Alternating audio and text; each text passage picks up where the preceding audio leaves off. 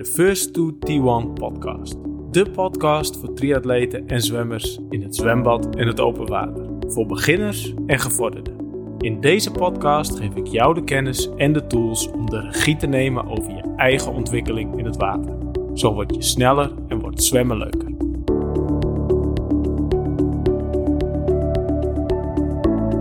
Mijn naam is Jan Nolles en dit is aflevering 8 van de podcast. In deze aflevering ga ik antwoord geven op de vragen die ik de afgelopen weken voor jullie verzameld heb. En uit een van die vragen komt ook de tip van de dag. Want een veelgestelde vraag gaat over een gevoel van desoriëntatie als je uit het water klimt. En een snelle manier om daar beter in te worden is tijdens je training regelmatig uit het water te klimmen. Dus de tip van de dag is: klim af en toe in een training na een wat langere afstand uit het water en doe de rust in plaats van hangend in het water staand op de kant. Daar word je beter van als je in het open water na het zwemmen, dus of in een triathlon, na het zwemmen eruit klimt en naar de fiets toe loopt. Je went aan de overgang van horizontaal naar verticaal. En als je dat vaker doet, heb je minder last van dat vervelende gevoel waar je dan in het begin wel last van hebt. Je doet bijvoorbeeld in een training 400 meter je tikt aan, klimt gelijk op de kant en blijft 20 seconden op de kant staan. Vervolgens duik je er weer in voor de volgende 400 meter. Als je dat vaker gedaan hebt, kun je ook in plaats van stilstaan, bijvoorbeeld even een stukje gaan dribbelen of in een buitenbad een klein rondje lopen. Dus de tip van de dag is: klim regelmatig tijdens de training een keer op de kant en doe je rust daar staand. En dan gaan we door naar de vragen. Afgelopen weken heb ik in de mail meerdere vragen gehad. Op Instagram hebben mensen een aantal vragen gesteld en die ga ik beantwoorden. Het zijn er in totaal vier en je vindt het antwoord op de vragen ook op first2t1.nl slash vragen. Daar staan de show notes, kun je meelezen met de vragen die beantwoord worden. Dus we gaan snel beginnen met de vier vragen die ik of veel heb gehoord of die specifiek afgelopen week gesteld zijn. En de eerste vraag die ik meerdere keren binnengekregen heb, is hoe ver moet ik mijn arm strekken bij het afduwen? Dus tot hoe ver moet ik met mijn hand recht naar achter blijven duwen tijdens de doorhaal van de borstkrol? En deze vraag is ook best wat discussie over geweest. Sommige trainers vinden dat je verder af moet duwen, duwen. Sommige trainers vinden dat je minder ver af moet duwen.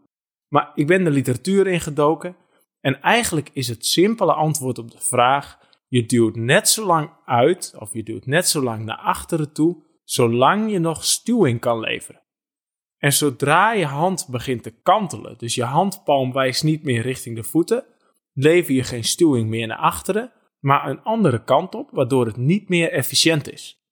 En dat betekent dat je niet helemaal hoeft af te duwen tot je arm helemaal gestrekt is, omdat je dan dat laatste stukje geen efficiënte stuwing meer kan leveren. Als je namelijk, als je helemaal uitgestrekt bent, dat laatste stukje ook nog probeert af te maken, dan duw je met je hand water naar boven toe. En soms zie je dat wel bij zwemmers. Dan zie je van die pluimpjes water aan het einde van de afduw van de slag. Maar dat werkt je tegen.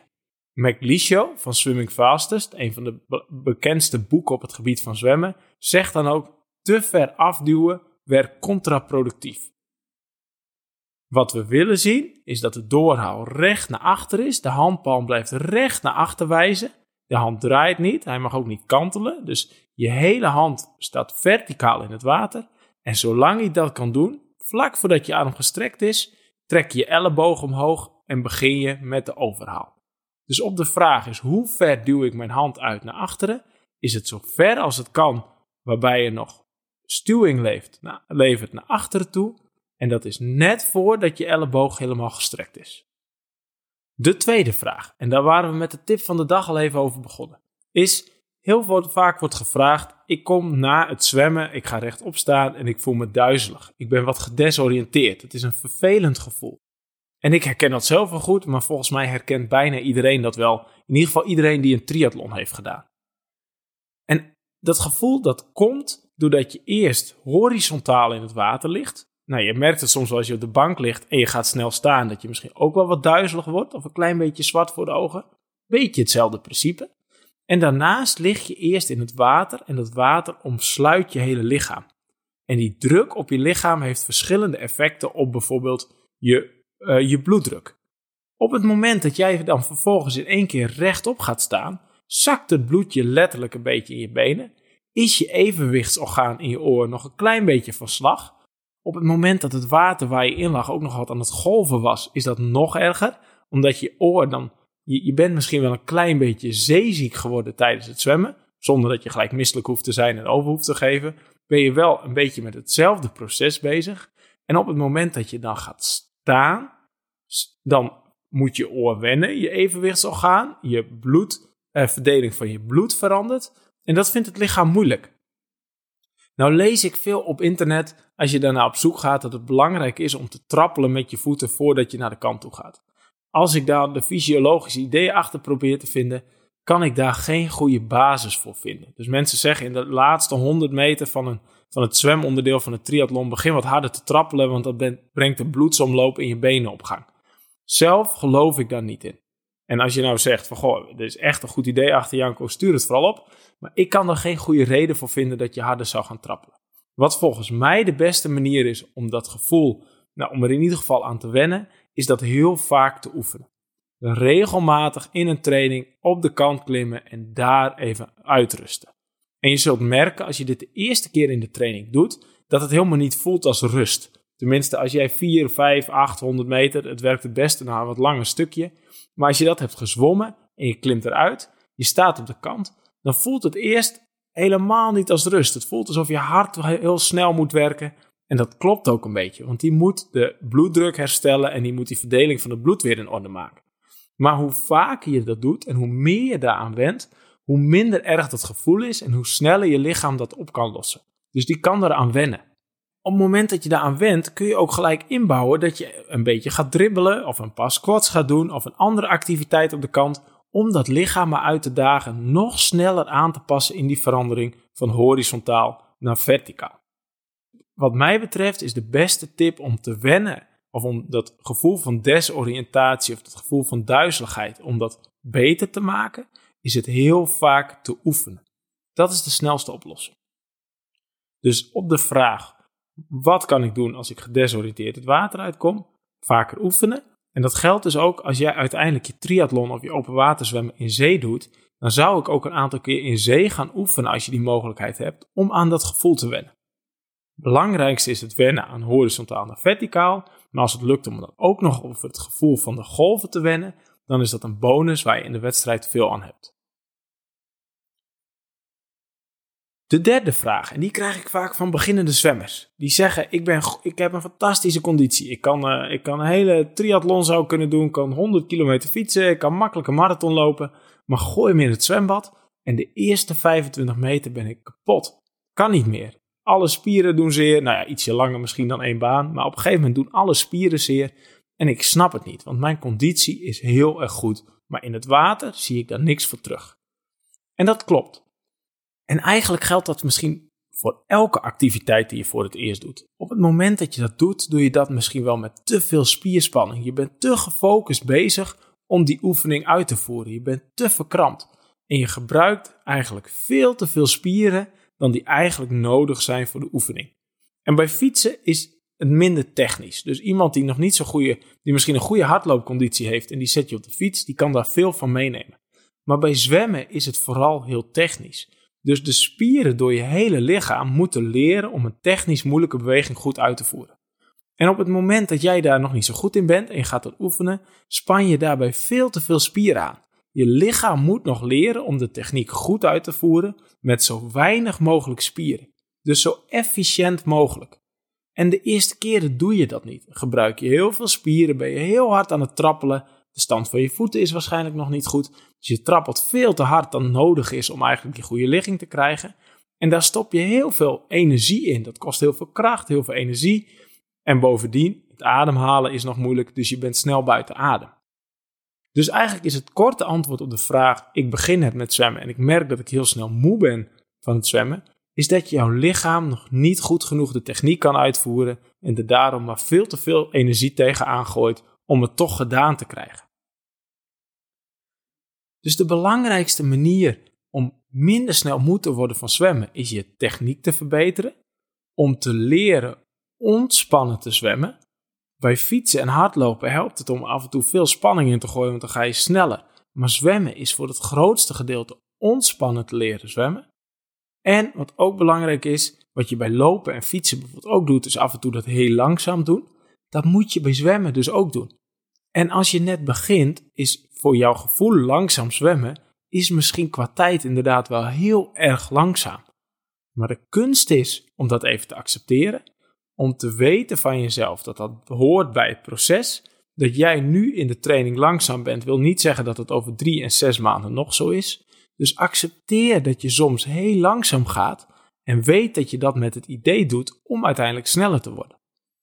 En daardoor kun je het misschien ook wel wat langer volhouden en kun je meer meters maken in de training. Al duren ze wel wat langer.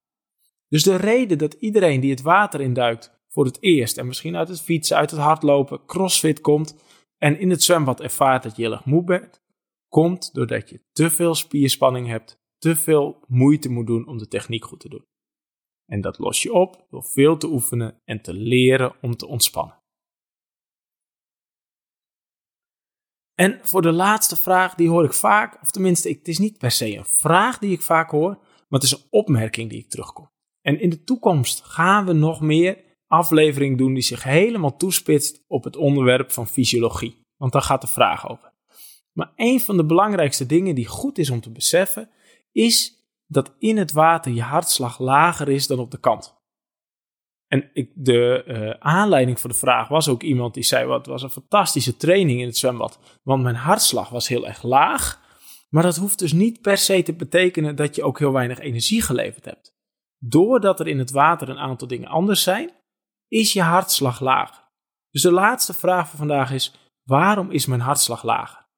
Nou, daar zijn meerdere redenen voor. Eén is compressie op het lichaam. En die compressie op het lichaam zorgt dat je lichaam meer bloed terug laat stromen naar het hart.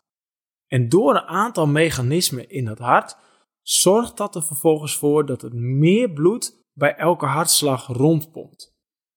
Dus je hart, je motor, gooit eigenlijk nu met elke slag meer bloed door je lichaam heen. En daarom hoeft hij dus uiteindelijk minder vaak te slaan. Sterker nog, je hart meet dit een beetje bij zichzelf. En vervolgens stuurt hij dus een signaaltje terug naar de hersenen dat je hartslag omlaag kan, omdat je meer bloed door, uh, door je lichaam heen pompt. En dat komt dus door de druk op je lichaam en vooral ook voor een groot deel de druk van je benen, waar dit geregistreerd wordt. Dus dat is één van de redenen. Het tweede is dat de horizontale positie in het water hetzelfde effect op je lichaam heeft. Doordat je horizontaal in het water ligt, is datzelfde effect van toepassing en registreert je lichaam dat er meer bloed wordt rondgepompt en dat de hartslag dus omlaag kan. De derde reden is dat het water kouder is.